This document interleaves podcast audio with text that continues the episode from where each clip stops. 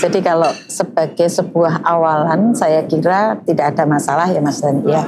Karena di KLHK itu sebetulnya pengaruh utamaan gender kan sudah diperkenalkan cukup lama.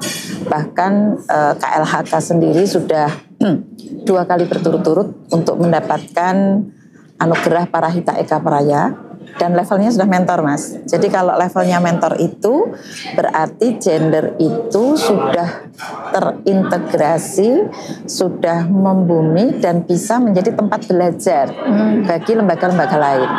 Nah, ketika kemudian sekarang yang disentuh adalah ASN-ASN baru, tentu KLHK membutuhkan energi dan para pimpinan-pimpinan yang sudah ada mungkin tidak memiliki cukup energi untuk membuat gender itu betul-betul membumi.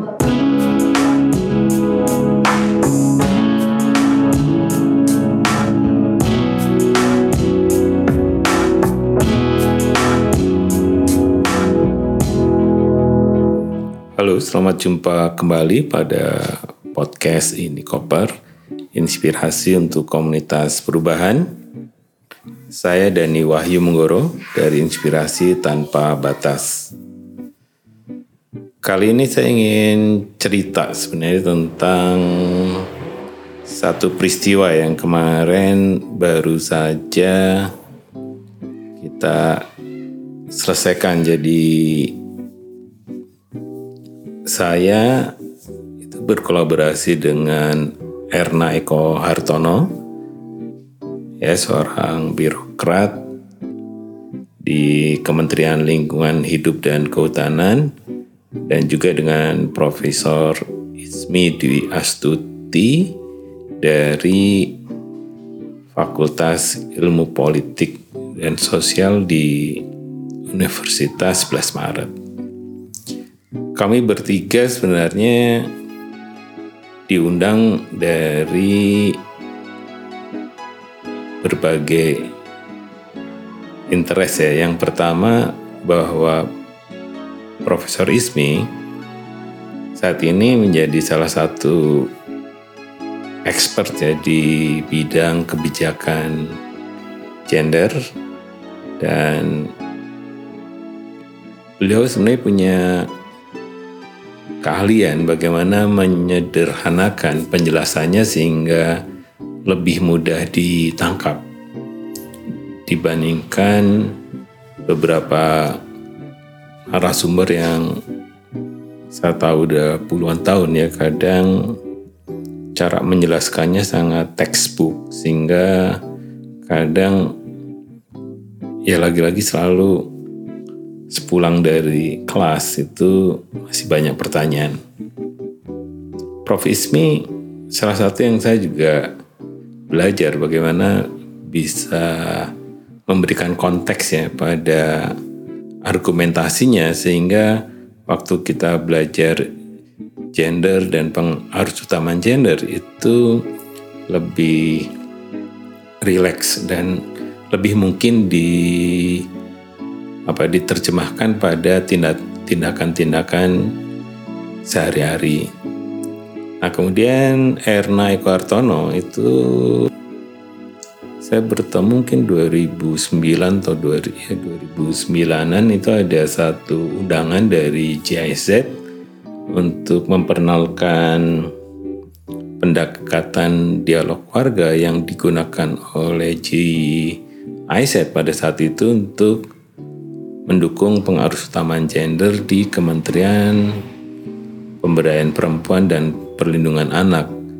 Dan salah satu kementerian yang meminta untuk bisa di apa belajar tentang metode ini adalah KLHK dan saat itu saya dan tim menerjemahkan pendekatan dialog warga menjadi pendekatan yang asset based approach pertama, kemudian yang kedua cara belajarnya menggunakan vibrant facilitation. Jadi saat itu semua orang happy bagaimana menggunakan alat bantu dialog warga menjadi cara untuk membangun dialog yang inklusif di berbagai level. Jadi ada percobaan misalnya di di di Semarang ya di daerah yang di belakang kawasan industri yang laporannya menjadi sangat menarik karena fasilitatornya adalah Universitas Islam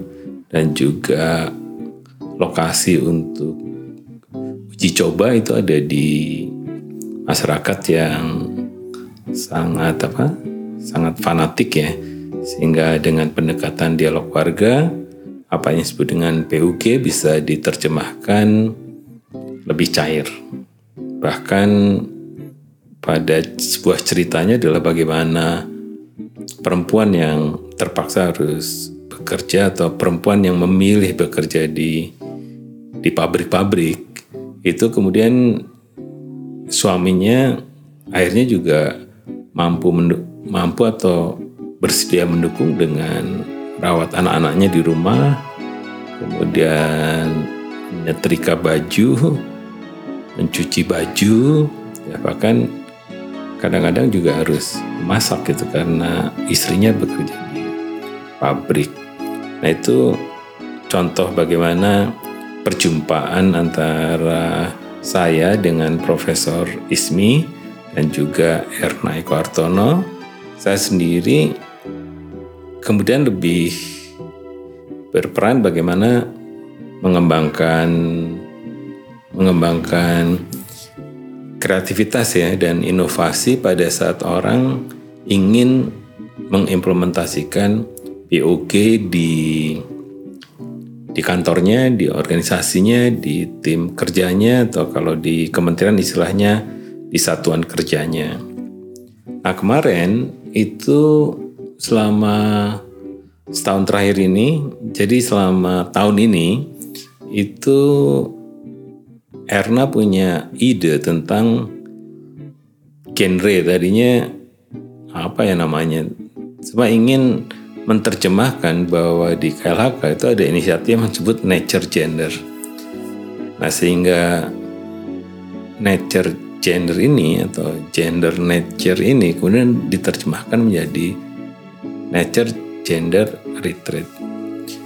Istilah retreat kelihatannya dipakai supaya lebih relax, bukan kelas-kelas training ya, tetapi lebih kesannya social learning, jadi proses belajar yang basisnya adalah sosial, jadi melihat dari interaksi, belajar dari orang lain, dan dan sebagainya. Nah, genre ini uh, targetnya itu berbeda dengan kelas-kelas sebelumnya. Kalau kelas-kelas sebelumnya itu ada kelas champion, itu para apa semacam eselon 3 ke bawah yang yang senior gitu itu pernah ada seribu orang yang ikut kegiatan seperti ini kemudian leaders itu para direktur atau eselon 2 itu kita bisa menjangkau ke 40 orang sedangkan yang ASN muda ini adalah ASN-ASN yang baru saja bergabung dengan kementerian. Jadi ada yang baru 6 bulan, ada setahun, ada yang ya dua tahun. Jadi memang baru sama sekali mereka belum pernah ya tersentuh dengan kegiatan peningkatan kapasitas yang ada hubungannya dengan pengaruh utamaan gender. Jadi mereka sama sekali rata-rata belum pernah ikut kegiatan seperti ini. Karena itu di pretesnya kelihatan sekali bahwa hasilnya yang bisa betul semua yang menjawab tuh paling hanya tiga orang, dua orang dan dan itu menunjukkan bahwa pengetahuan-pengetahuan tentang gender dan pengarus utamaan gender sendiri itu belum belum ada atau belum belum kuat gitu. Nah dengan proses belajar yang lebih social learning semacam ini selama hanya dua hari maka diharapkan mereka bisa belajar sesuai dengan uh, preferensi belajar mereka ya. Jadi kita menggunakan banyak alat bantu, kemudian banyak interaksi, banyak diskusi. Bahkan Profesor Ismi yang biasanya harus presentasi panjang lebar hanya boleh menyampaikan sesuatu itu bila ditanya oleh peserta. Jadi peserta justru harus membaca semua bahannya malam hari, kemudian menerjemahkan menjadi pertanyaan-pertanyaan yang kemudian dibahas di kelas. Dan pertanyaan itu pun harus di battle dengan teman-teman yang lain karena Profesor Ismi punya otoritas untuk memilih pertanyaan mana yang akan dijawab oleh profesor gitu tentang konsep konsep gender.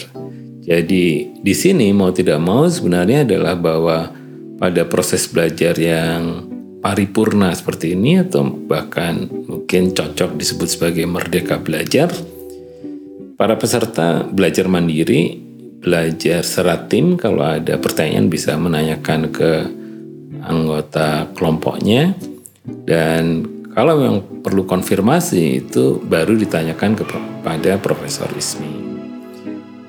Nah kelas genre ini sudah berlangsung empat kali. Saya hanya terlibat di tiga kali. Tapi yang ke apa? Yang yang yang konsepnya sendiri semuanya sebenarnya saya terlibat di dalam perancangan tahapan-tahapan belajarnya di tiap kelas genre sendiri juga berubah-ubah setiap angkatan sesuai dengan jumlah peserta yang terakhir itu 100 orang. Ada pernah di atas 100 juga 130 orang gitu. Dan kadang ruangan tidak sesuai jadi kadang ruangannya terlampau sempit sehingga untuk pergerakan peserta juga menjadi repot gitu. Nah, dari pro proses belajar genre kemarin, pada akhirnya saya menawarkan bahwa isu di dalam di dalam PUG sebenarnya adalah inovasi. Nah, pertanyaannya, kalau memang benar inovasi, kalau kita hitung-hitungan selama 20 tahun ada PUG, kenapa impact dari inisiatif ini di tingkat society itu rendah? Karena itulah kemarin saya mencoba memperkenalkan apa yang disebut system change. Harapannya ASN muda ini mulai mempertanyakan hal-hal yang strategis, bukan hal-hal yang kasat mata gitu. Karena dari tiga angkatan sebelumnya, kita juga melihat bahwa banyak ide itu masih bias dengan status quo ya jadi ide-idenya hampir sama dengan apa yang sudah dilakukan oleh kementerian. Karena itu pada kelas yang keempat ini kita men-challenge peserta out of the box untuk melihat sesuatu dari yang keli tidak kelihatan. Dengan mempertanyakan mengapa begini, mengapa begitu, apa yang menyebabkan ini seperti ini, apa yang menyebabkan hal itu terjadi dan sebagainya. Harapannya mereka bisa menemukan apa yang disebut dengan system of today. Jadi kelemahan-kelemahan yang ada di system of today. Bahkan bisa menemukan akar penyebab masalahnya.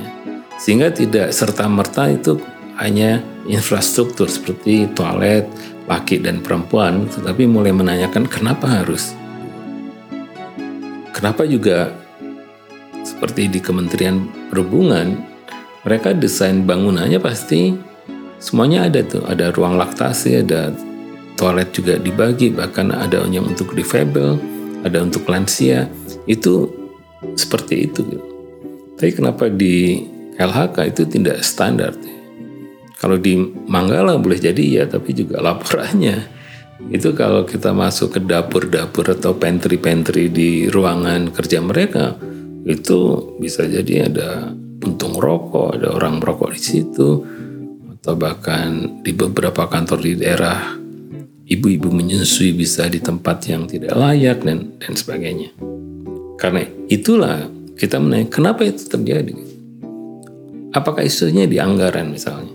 Apakah isunya di para perancang anggarannya di di Jakarta sehingga tidak me, apa, menganggarkan supaya di dalam perancangan bangunan atau infrastrukturnya itu sesuai dengan apa yang disebut dengan responsif gender yaitu kebutuhan laki-laki dan perempuan.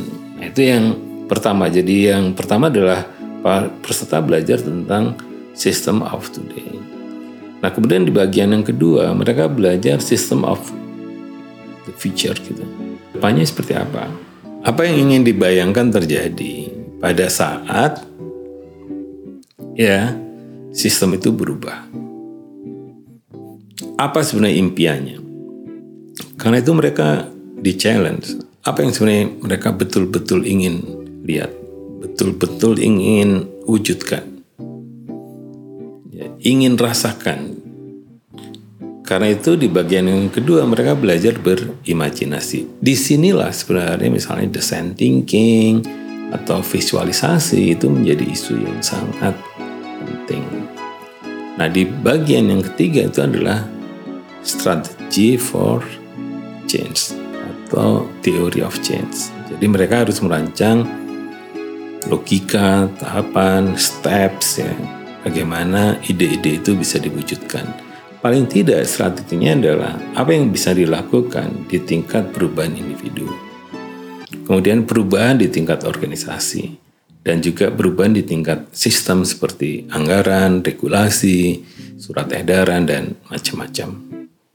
Nah, baru di bagian keempat mereka belajar bagaimana kalau ini semua itu akan dilakukan oleh satuan kerja mereka apa yang harus disiapkan, apa yang harus ditambahkan, atau apa yang harus dikurangkan, dikurangi, sehingga apa yang menjadi impian tadi menjadi strategi untuk mewujudkan impian itu bisa terwujud. Jadi kemarin di kelas angkatan yang keempat kita belajar tentang sistem change.